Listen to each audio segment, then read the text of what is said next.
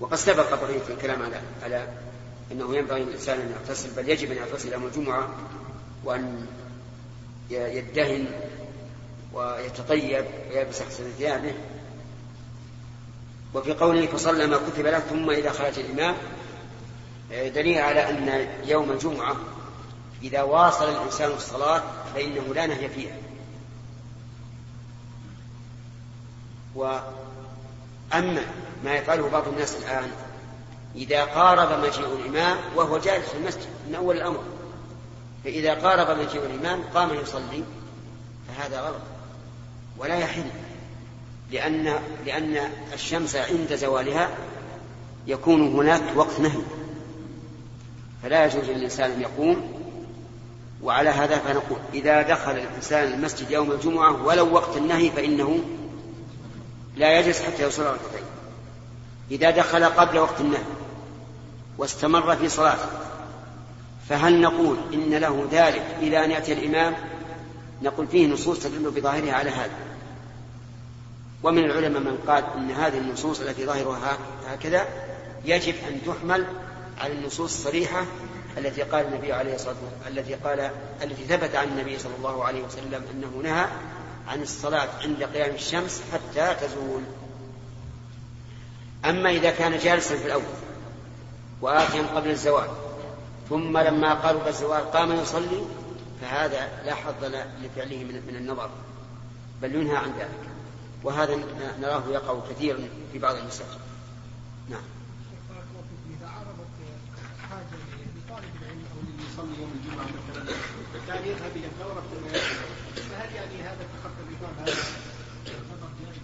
هذا هذا حاجة. هو هي حاجة لكن ينبغي إذا إذا أراد أن يعبر إلى مكانه ينبغي أن يهمز الناس برفق ويقول إذن لي أو ما أشبه ذلك من أجل أن تطيب النفوس. لأنه لو جاء يمشي هكذا ربما بعض الناس يتأذى. نعم.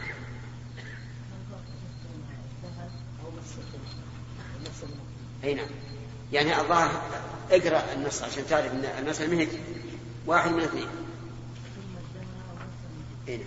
يعني معناه شك من الراوي هل قال الدهن بطين أو قال مس المطين نعم يا آدم إيش؟ قيد إيش؟ نعم كيف قيد بيوم الجمعة؟ هذا بيان للواقع وغيرها مثله حتى غير الجمعة مثل الجمعة ها؟ في المجالس؟ حتى في المجالس. ولهذا جاء الوعيد في من جلس وسط الحلقة لأن الناس يتأذون بذلك إلا إذا استأذن منه. نعم. إذا إيش؟ أما إذا كان سائر فهذا لا لا نقول يجب أن تقف وتصلي. لكن إذا كان نازلا في البلد يعني لا آه، لا يريد السفر إلا بعد صلاة الجمعة. يجب عليه النحو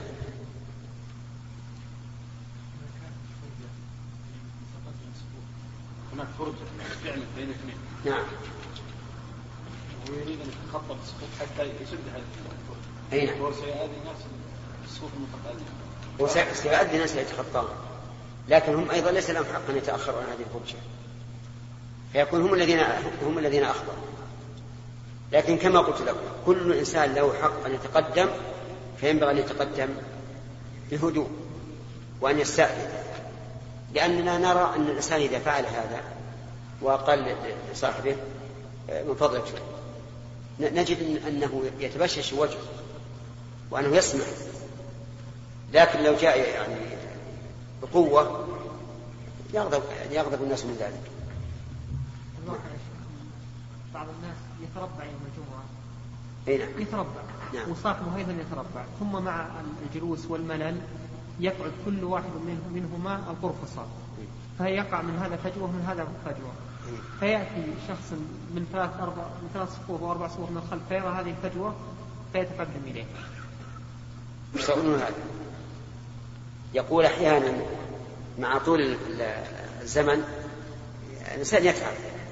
فتجدهم يراوح الجلوس مرة متربعا ومرة مقرفصا يجي إنسان في حال القرفصاء يجد فتحة. هل يتقدم؟ أو نقول هذا مثل, مثل فناء الدار. محترم. البير أليس لها حريم. إذا ملكت بيرا فحريمها الذي يحتاج تحتاج إليه. محترم. والله أني عندي أنا في هذا الشك. لكن ما ترون أنتم. وش الثاني؟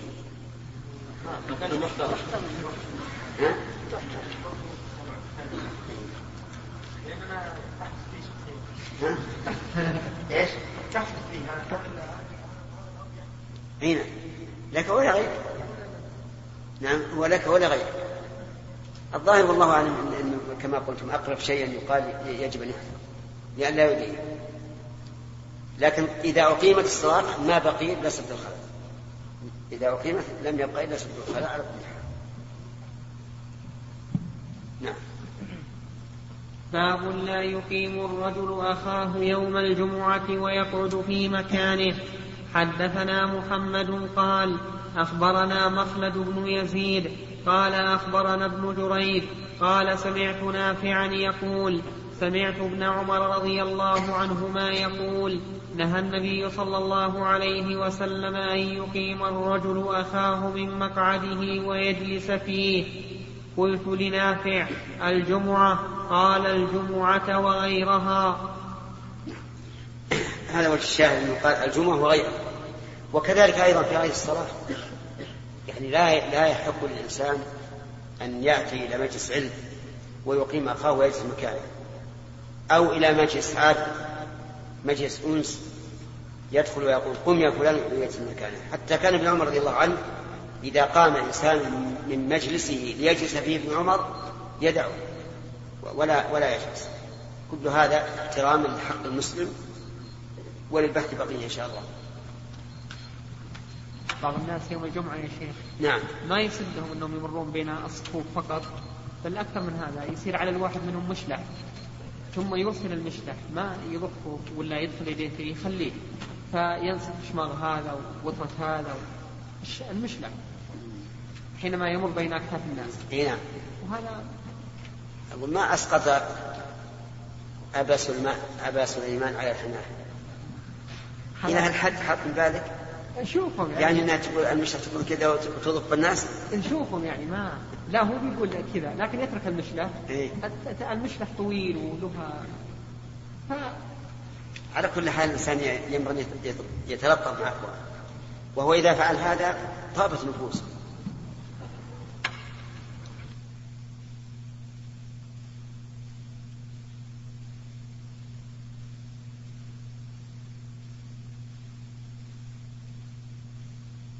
وعلى آله وصحبه أجمعين.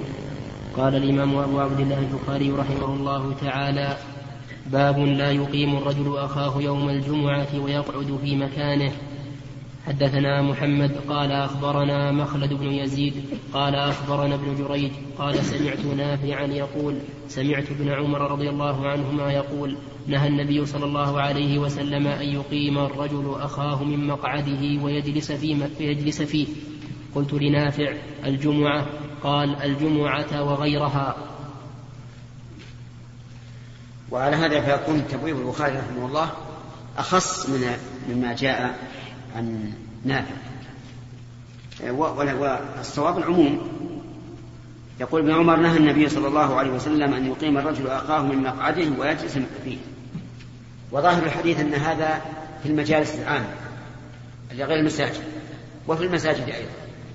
لما في ذلك من العدوان والإعجاب بالنفس وإلقاء الحقد والبغضاء بين الرجل الذي أقيم والذي أقام. وظاهر النهي التحريم وهو كذلك. فيحرم على الإنسان أن يقيم غيره من مكانه ويجلس فيه لأن ذلك عدوان وظلم وسبب للعداوة والبغضاء والحقد والإحن. فإن قال قائل إن قول أن يقيم الرجل أخاه يقتضي أن المنع من إقامة الرجل الرجل وأنه لو أقام الرجل صبيا فلا بأس. قلنا قال بذلك بعض العلماء رحمهم الله وفعله أيضا بعض الصحابة بناء على قول الرسول صلى الله عليه وسلم ليلني منكم أولو الأحلام والنهى. ولكن الصواب خلاف ذلك. وأنه لا يجوز أن يقيم الصبي إلا من كان فيه مفسدة من عبث أو صوت أو شبه ذلك فيقام. أما إذا كان الصبي مراهقا وقريبا من البلوغ فإننا لا نقيم. وقول النبي صلى الله عليه وعلى آله وسلم ليلني منكم معناه معناه أمر ذوي الأحلام والنهى أن يتقدموا هو لم يقل لا يلني إلا هؤلاء. لو قال لا يلني قلنا نعم. الرسول نهى أن يليه إلا أصحاب الأحلام والنهى لكن قال ليلني إشارة إلى أنه ينبغي لذوي الأحلام والنهى أن يتقدموا فيكونوا على ولاء النبي صلى الله عليه وسلم من أجل أن يتعلموا ويفقهوا. لأن الصغار أو المجانين لا يفقهون. وإقامة الصبي من مكانه في المسجد فيها الحقيقة ضرر لا ينسى الصبي لا ينسى الصبي لا ينسى لو أن أحد من الناس وأنت مثلا لك عشر سنوات أو اثنى عشر, عشر سنة أقامك قال يلا روح هناك. نعم.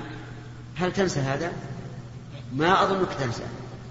ما ينساه الإنسان ولا ينساه الذي الذي أقامه يكون دائما على باله وإذا ذكر عنده مجته نفسه. وهذا من الأمور التي يحاربها الإسلام. ثم إن فيه مضرة أخرى وهي تنفير هذا الصبي عن المسجد. إذا كان مسكين إذا جاء متقدما وجلس يقرأ القرآن ولو 12 سنة أو عشر سنوات يجي واحد يقول قم هنا هذا تنفير. ففيه مضرة. ثم إذا قلنا أخروا الصبيان اجعلهم وراء أخرناهم للصف الثاني. جاءوا ناس في الصف الثاني قلنا ها أخرهم للثالث ثم اجتمع الصبيان في صف واحد. ماذا يكون؟ نعم يكون عبث تشويش على الناس. لكن إذا كانوا مع بين الرجال صار أهون وأضبط. فالصواب أنه لا يجوز إقامة الإنسان من مكانه إلا من حصل منه أذى فيقام دفعا لأذيته. وفي قول الرسول أن يقيم الرجل أخاه كلمة أخاه تقتضي العطف والحنو على أخيه. ففي هذا استعمال الألفاظ التي يحصل بها من المقصود أكثر مما لو استعمل غيرها. نعم. الشرح؟ الفتح الأول.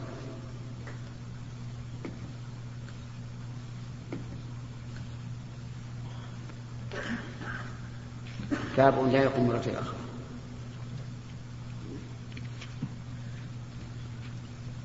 بسم الله والحمد لله وصلى الله وسلم على عبده ورسوله نبينا محمد وعلى آله وصحبه أجمعين.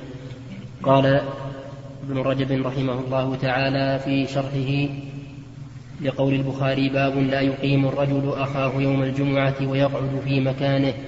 حدثنا محمد بن سلام قال حدثنا مخلد قال أخبرنا ابن جريج سمعت نافعا يقول سمعت ابن عمر يقول نهى النبي صلى الله عليه وسلم أن يقيم الرجل أن يقيم الرجل من مقعده ثم يجلس فيه. قلت لنافع الجمعة قال الجمعة وغيرها. وقد خرجه البخاري في مواضع متعددة وفي, بعضها زيادة ولكن تفسحوا وتوسعوا. وخرج مسلم من وخرج مسلم من حديث أبي من حديث أبي الزبير عن جابر عن النبي صلى الله عليه وسلم أنه قال لا يقيمن أحدكم أخاه يوم الجمعة ليخالف إلى مقعده فيقعد فيه ولكن يقول افسحوا. وخرج الإمام أحمد من حديث أبي هريرة عن النبي صلى الله عليه وسلم أنه قال لا لا يقيم لا يقيم الرجل الرجل من مجلسه ثم يجلس فيه ولكن ولكن افسحوا يفسح الله لكم. وروى, وروى ابن أبي حاتم بإسناده عن مقاتل بن حيان قال أنزلت هذه الآية يعني قوله يا يعني قوله يا أيها الذين آمنوا إذا قيل لكم تفسحوا في المجالس فافسحوا. في يوم في يوم جمعة وكان رسول الله صلى الله عليه وسلم يومئذ في الصفة وفي المكان ضيق وكان يكرم أهل بدر من المهاجرين والأنصار. فجاء أناس من أهل بدر وقد, سبق وقد سبقوا إلى المجالس فقاموا حيال رسول الله صلى الله عليه وسلم فسلموا عليه ثم سلموا على القوم فقاموا على أرجلهم ينتظرون أن يوسع لهم فلم يفسح, فلم, فلم يفسح لهم. فشق ذلك على النبي صلى الله عليه وسلم فقال فقال لمن حوله من المهاجرين والأنصار من غير أهل بدر؟ قم أنت يا فلان وأنت يا فلان. فلم يزل فلم يزل يقيمهم بعدة النفر الذين هم قيام بين يديه فشق ذلك على من أقيم من مجلسه وعرف النبي صلى الله عليه وعرف النبي صلى الله عليه وسلم الكراهة في وجوههم وتكلم في ذلك المنافقون. فبلغنا أن رسول الله صلى الله عليه وسلم قال رحم الله رجلا فسح لأخيه. فجعلوا يقومون بعد ذلك سراعا فيفسح القوم لإخوانهم ونزلت هذه الآية يوم الجمعة. فظاهر هذا يدل على أن إقامة الجالس نسخ بهذه الآية وانتهى الأمر إلى التفسح المذكور فيها. وقال قتادة كان هذا للنبي صلى الله عليه وسلم ومن حوله خاصة يشير إلى إقامة الجالسين ليجلس غيرهم فإنه صلى الله عليه وسلم يفعل ذلك إكراما لأهل الفضائل والاستحقاق. وغيره لا يؤمن عليه أن يفعله بالهوى ويستثنى من ذلك الصبي. إن كان في الصف وجاء رجل فله أن يؤخره ويقوم مقامه كما فعله أبي بن كعب بقيس بن عباد وقد ذهب إليه الثوري وأحمد وقد تقدم ذلك. ذكر الصفحة وين فيه؟ يقول صاد 33 تحت. نفس المجلد؟ نعم. ارجع له. نعم.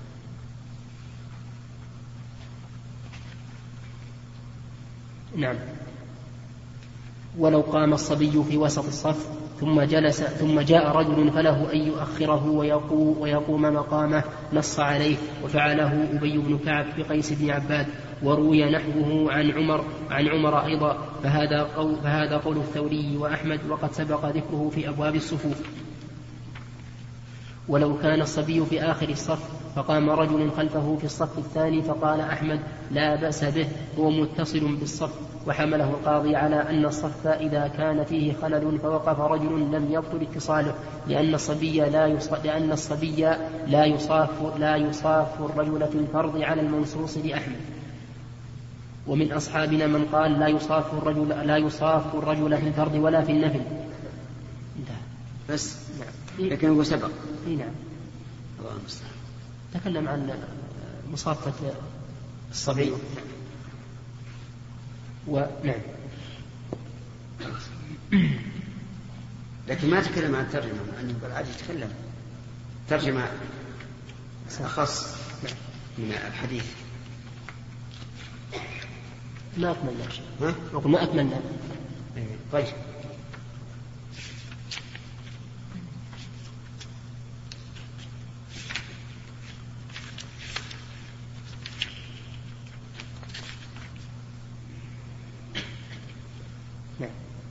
وقد نعم فإن كان الذي في الصف رجلا وكان أعرابيا أو جاهلا لم يجز تأخيره من موضعه قال أحمد لا أرى ذلك.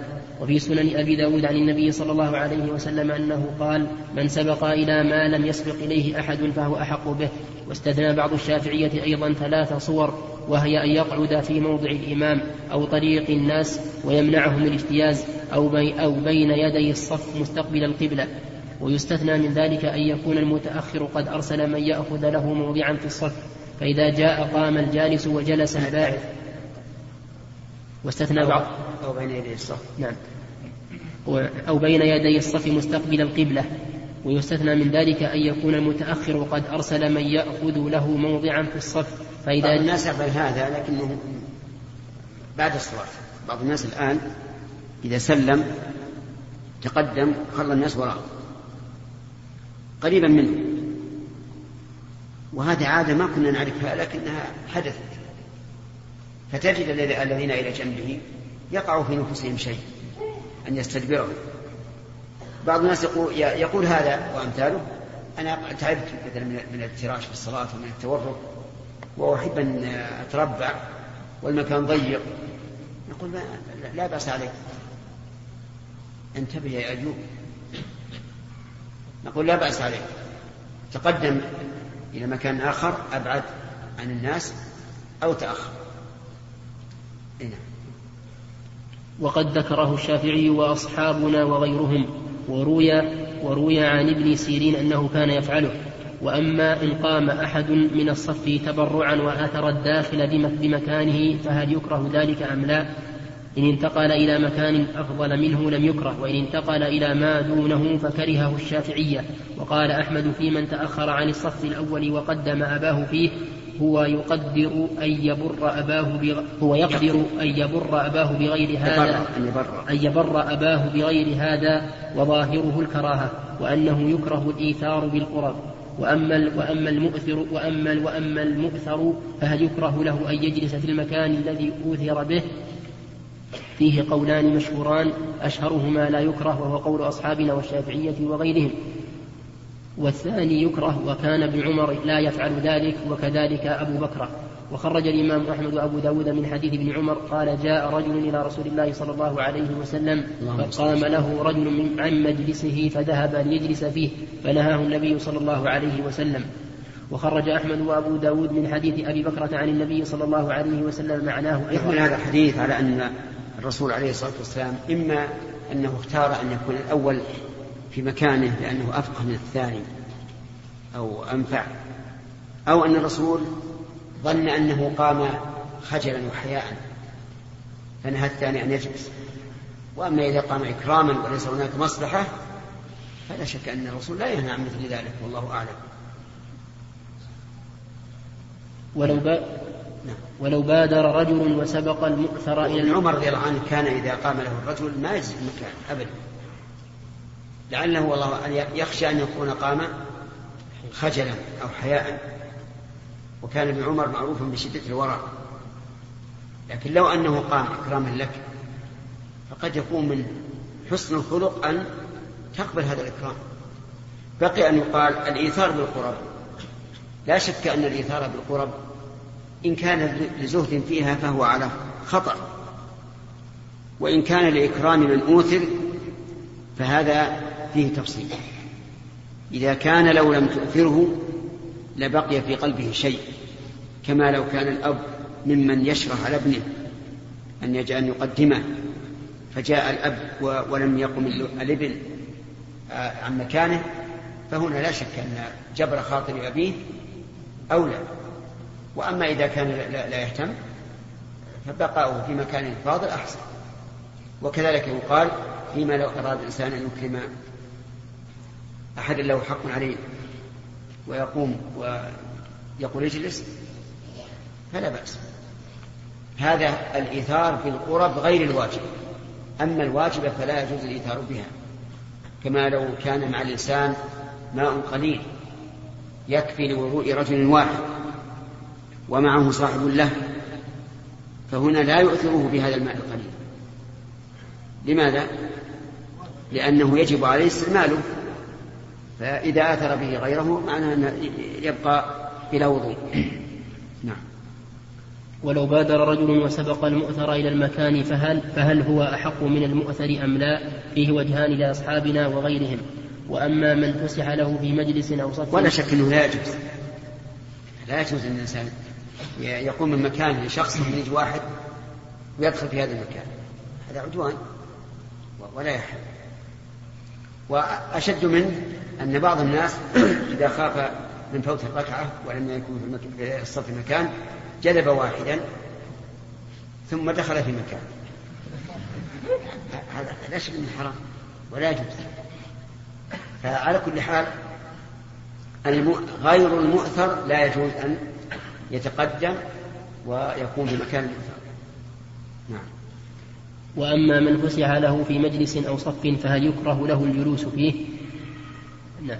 وأما من فسح له في مجلس أو صف فلا يكره له الجلوس فيه. وفي مراسيل خالد بن معدان أن النبي صلى الله عليه وسلم قال إذا جاء أحدكم إلى المجلس فوسع له فليجلس فإنها كرامة. خرجه حميد بن زنجوية. فإن كان في فإن كان في جلوسه تضييق على الناس أو لم يصل إلى المكان إلا بالتخطي فلا يفعل. وقد روي عن أبي سعيد الخدري أنه أنه أذن بجناز وقد, وقد روي عن أبي سعيد الخدري أنه أذن بجنازة في قومه فتخلف حتى جاء الناس وأخذوا المجالس ثم جاء بعد فلما, رأى فلما رآه القوم توسعوا له. فقال لا إني سمعت رسول الله صلى الله عليه وسلم يقول إن خير المجالس أوسعها. ثم تنحى فجلس في مجلس واسع وخرج أبو داود منه المرفوع فقط. وروى الخرائطي الخرائطي بإسناد فيه جهالة عن أبي هريرة مرفوعا لا توسع لا توسع المجالس إلا لثلاثة لذي لذي علم لعلمه وذي سن لسنه وذي سلطان لسلطانه. ودخل خالد بن ثابت الفهمي ولا ولا اظن يصح لأنه يقول إذا قيل لكم تفسحوا في المجالس فافسحوا. وفي جهاله نعم.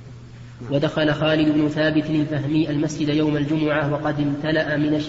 وقد امتلأ من الشمس فرآه بعض من في الظل فأشار إليه ليوس ليوسع له فكره أن يتخطى الناس إلى ذلك الظل وتلا واصبر على ما أصابك إن ذلك إن ذلك من عزم الأمور. ثم جلس في الشمس خرجه حميد بن زنجوير. أحسنت بارك الله. أحسن الله فيه حول يعني الترجمة. نعم. وأشار قال وخرج مسلم عن جابر قال لا يقيمن أحدكم أخاه يوم الجمعة. هنا هنا مو مشكل يعني. يخص. كونه كونه يسوق الحديث العام لترجمة خاصة. كأنه أشار لي يعني كان يشير نعم. إلى هذا الحديث. كيف؟ أقول كأنه يشير إلى حديث الذي رواه مسلم. ما يستقيم هذا وفيه كلام للحافظ حجر. من رأيت النقرة طيب.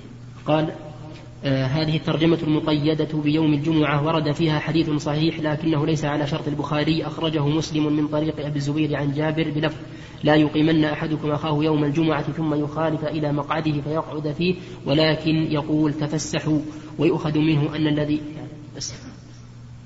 هذا اللي خاص الترجمة نعم. هو الغريب إنه يعني البخاري رحمه الله يأتي بالحديث عاما ثم يحمله على الخصوص. هذا يعتبر قصر للحديث عن دلالته. لكن يعني يكون إشارة إلى رواية أخرى أو حديث آخر؟ إيه قال يمكن ما يمكن أشار إلى هذا لكن أقول فيها نظر. ما دام روايته هي عامة. شاء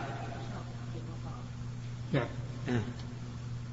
كمل القراءة وكأن البخاري يعني وكأن البخاري اغتنى عنه بعموم حديث ابن عمر المذكور في الباب. وبالعموم المذكور احتج نافع حين سأله ابن جريج عن الجمعة وسيأتي الكلام عليه مستوفا في كتاب الاستئذان إن شاء الله تعالى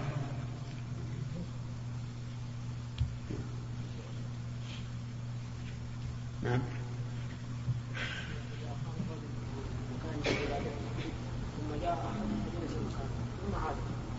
فهو أحق إذا قام الرجل من مكانه بعذر. ثم جاء إنسان وجلس في مكانه فله أن أن يقيم. نعم. قرب الإمام وصف الأول بالنسبة بعض الناس بحرصهم على الخير يعني يتسابقون هذه صلاة الصبح مباشرة يضعون يعني عن حفظ. ثم بعض من يأتي يعني لرغبته لقرب الإمام وصف له يزيل عن ذلك؟ سمعتم سؤاله يقول يوجد يوجد اناس يتحجرون في المسجد. يضعون عصا أو إنجيلا أو غيره ويخرجون من المسجد. يجي إنسان ويجد هذه الحجوزات. فهل له أن يؤخرها ويجلس في مكان أو لا؟ في هذه أما المشهور عند الفقهاء الحنابلة فإنه لا يجوز. بناء على جواز التحجير. يقول ما دام التحجير جائزا فرفعه حرام فهو حق به. ومن يرى أن التحجير ليس بجائز يقول له رفع. لكن حتى على هذا القول إذا كان في رفعه حدوث عداوة بغضاء نزاع فتجنبه أولى لأنه ربما هذا المتحجر ما يرضى أنك تؤخر لو أتى وأنت رافع وهو شاهد حصل بينكم وبينهم قد يكون يتصل إلى التشابك بالأيدي ساعة تقول انتهى الوقت. يا جماعة. ما أدري تنسون ولا نعم. إن شاء الله الدرس القادم. لأن ما ودنا نختم القاعدة. قيدها عشان ما تنسى. بسم الله الرحمن الرحيم. الحمد لله رب العالمين. وصلى الله وسلم وبارك على عبده ورسوله نبينا محمد وعلى آله وأصحابه أجمعين. أما بعد. فقد قال الإمام البخاري رحمه الله تعالى في صحيحه في كتاب الجمعة باب الأذان يوم الجمعة. حدثنا آدم قال حدثنا ابن أبي ذئب عن الزهري عن السائب بن يزيد قال كان النداء يوم الجمعة. أوله إذا جلس الإمام على المنبر على عهد النبي صلى الله عليه وسلم وأبي بكر وعمر رضي الله عنهما. فلما كان عثمان رضي الله عنه وكثر الناس زاد النداء الثالث على الزوراء. عندي قال أبو عبد الله الزوراء موضع السوق بالمدينة. عندكم هذه؟ لا. طيب. نسخة هي هي نسخة ما هي ما هي في, ما هي في الأصل أنا عندي يقول الزوراء في نسخة بعدها قال أبو عبد الله. طيب. إيه وكذا قال أبو عبد الله الزوراء موضع بالسوق المدينة في هذا الحديث أن الأذان الذي نص الله عليه في قوله يا أيها الذين آمنوا إذا نودي للصلاة من يوم الجمعة فاسعوا إلى ذكر الله. هو الأذان الذي يكون عند جلوس الإمام على المنبر إذا دخل. أما الأذان الثاني الذي قبله فهو مما زاده عثمان رضي الله عنه. حين كثر الناس واتسعت المدينة واحتاج الناس أن يؤذن لهم أذان ثالث حتى يحضروا. ففي هذا دليل على أنه متى احتيج إلى الأذان الثالث الذي يتقدم ظهور الإمام فإنه مشروع. فإذا كان الناس في عهد عثمان وهم أنشط من الناس اليوم على حضور الجمعة إذا كان الناس في ذلك الوقت قد أذن لهم من أجل أن يحضروا فهنا يا أيوب هنا أو في هذا الوقت من باب أولى. ولكن هل الأذان الأول يكون قبل الثاني بدقائق أو قبله بمدة يتمكن الناس من الحضور؟ الظاهر الثاني. لأنه إذا كان قبله بدقائق ما الفائدة منه؟ ليس منه فائدة. بل هو في وقت يتمكن منه الناس يتمكن به الناس من الحضور إلى المسجد. وما أحسن ما يستعمله الناس عندنا هنا في البلد أنه يؤذن قبل الوقت بساعة أو خمس وأربعين دقيقة حتى يحضر الناس. زعم بعض الناس أن هذا الأذان بدعة. أن هذا الأذان بدعة. فإن أراد أنه بدعة في عهد عثمان فهذا الرجل هو المبتدع. هو المخالف لسنة الرسول عليه الصلاة والسلام. لأن النبي صلى الله عليه وسلم قال عليكم بسنتي وسنة الخلفاء الراشدين. وبإجماع أهل السنة أن عثمان من الخلفاء الراشدين. فيكون له سنة يكون له سنة متبعة. وإن أراد أنه بدعة في وقتنا الآن وادعى أن الميكروفونات مكبرات الصوت تغني عن الأذان عن الأذان الثالث فهذا قد يناقش في هذا في هذا الأمر لكن لا ينكر عليه لأنه مجتهد. أما إذا أراد أنه بدعة في عهد عثمان فوالله إنه لجدير بأن ينكر عليه. ويقال أنت المبتدع أنت المخالف لسنة الرسول عليه الصلاة والسلام. لأن عثمان رضي الله عنه له سنة متبعة بأمر الرسول عليه الصلاة والسلام. عليكم بسنتي وسنة الخلفاء الراشدين. ولكن إذا كان الأذان الثالث الذي هو الأول ليس بينه وبين الثاني إلا بضع دقائق الحقيقة أنه لا فائدة منه. لأنه إن كان المقصود إبلاغ, إبلاغ الناس بالصوت فهو حاصل بالأذان الثاني. وإن كان المقصود العدد فقط بدون فائدة فهذا ليس بمشروع أما عمل الناس اليوم هنا فإن فإني أظنه أوفق للسنة ممن يعمل ممن يجعلونه ليس بينه وبين الأذان الثاني إلا دقائق نعم. يحصل في بعض المساجد الكبيرة جدا الحرم. ينطق لفظة قبل كل صلاة تحتاج ربع ساعة ليتك لم تقل هذا هذا كبوق اليهود. البوق عند اليهود إيش سواه؟ ينفخ فيه. لكنهم لا يريدون التنبيه على أنه باقي ثلث ساعه أو ان الوقت قريب. هم يريدون اختبار الأجهزة. يريدون اختبار الأجهزة. يعني لا تظن أن هذا يعني أن الأذان قد قرب لا. المراد اختبار الأجهزة. هو المقصود هذا. المقصود هذا. ما يقصدون أن الأذان قد قرب ابدا. لأنهم يقصدون أن الأذان قد قرب معناها أنهم أذنوا للصلاة بالبوق وكم مرة؟ الأذان البوقي والأذان الأول والأذان الثاني. هذا ما هو مراد قطعا. أنا ما أظنهم يريدون أنه إخبار عن بدنو الوقت. هي نعم نعم نعم.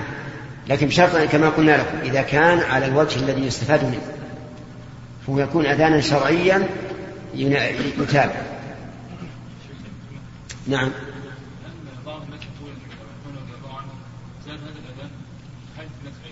إيش؟ لحاجة الناس إليه. نعم. حزب الناس في المدينة. نعم. وهذه الحاجة انتهت الآن. لماذا؟ كل الناس معهم ساعات الآن فيكون الوقت بسهولة ألم تعلم أن الإنسان يغفل عن الساعة؟ كثير ما نغفل. لا خصوصا إذا كان الإنسان مستغرق في بحث أو مستغرق في تجارة ولا سيما في السوق. إذا كان السوق نشيط والله الإنسان يبقى ساعتين ثلاث ما يدري. مو بصحيح. لكن إذا قال قائل هل لعثمان أصل في هذه المسألة؟ نقول له أصل. فإن أذان بلال قبل طلوع الفجر ليس للفجر بل ليوقظ النائم ويرجع القائم بالنص النبوي. فإذا كان الرسول عليه الصلاة والسلام أذن لبلال أن يؤذن لا للفجر ولكن لإرجاع القائم وإيقاظ النائم فهذا أصل ينبني عليه فعل عثمان رضي الله عنه. على أننا وإن لم نجد أصلا فعثمان إيه له سنة متبعة. ثلاثة. باب المؤذن الواحد يوم الجمعة. حدثنا أبو نعيم قال حدثنا عبد العزيز بن أبي سلمة الماجشون عن الزهري عن السائب بن يزيد أن الذي زاد التأذين الثالث يوم الجمعة عثمان بن عثمان بن عفان رضي الله عنه حين كثر أهل المدينة ولم يكن للنبي صلى الله عليه وسلم مؤذن غير واحد. وكان التأذين يوم الجمعة حين يجلس الإمام يعني على المنبر.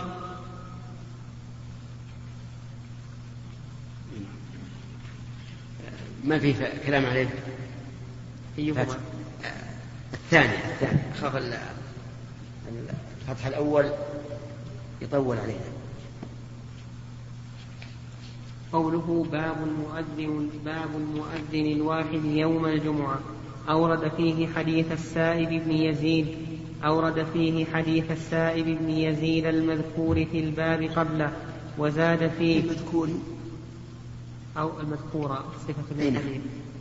أورد فيه حديث السائب بن يزيد المذكور في الباب قبله وزاد فيه ولم يكن للنبي صلى الله عليه وسلم مؤذن غير واحد ومثله للنسائي وأبي داود من رواية صالح بن كيسان ولأبي داود وابن خزيمة من رواية ابن إسحاق كلاهما عن الزهري وفي مرسل مكحول المتقدم نحوه وهو ظاهر في إرادة نفي تأذين اثنين معا والمراد أن الذي كان يؤذن هو الذي كان يقيم. قال الإسماعيلي لعل قوله مؤذن يريد به التأذين فعبر عنه بلفظ المؤذن لدلالته عليه. انتهى. وما أدري ما الحامل له على هذا التأويل فإن المؤذن الراكب هو بلال. وأما أبو محذورة وسعد القرض فكان كل منهما بمسجده الذي رتب فيه وأما ابن أم مكتوم فلم, فلم يرد أنه كان يؤذن إلا في الصبح كما تقدم في الأذان فلعل الإسماعيلي يستشعر إيراد, إيراد أحد هؤلاء فقال ما قال ويمكن أن يكون المراد بقوله مؤذن واحد أي في الجمعة فلا ترد فلا ترد فلا ترد الصبح مثلا.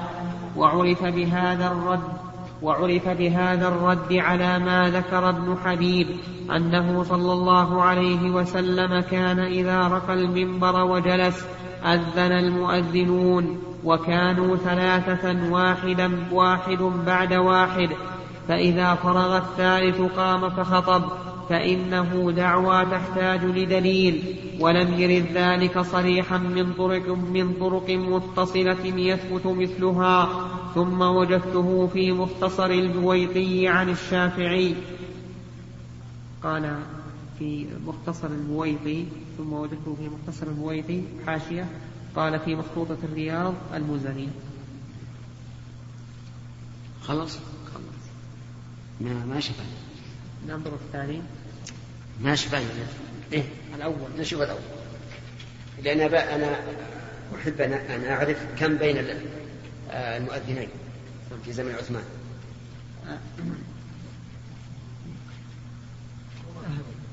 نعم. إيش؟ النفي شديد يا خالد. نعم. أقرأه من أوله شيخ. طيب.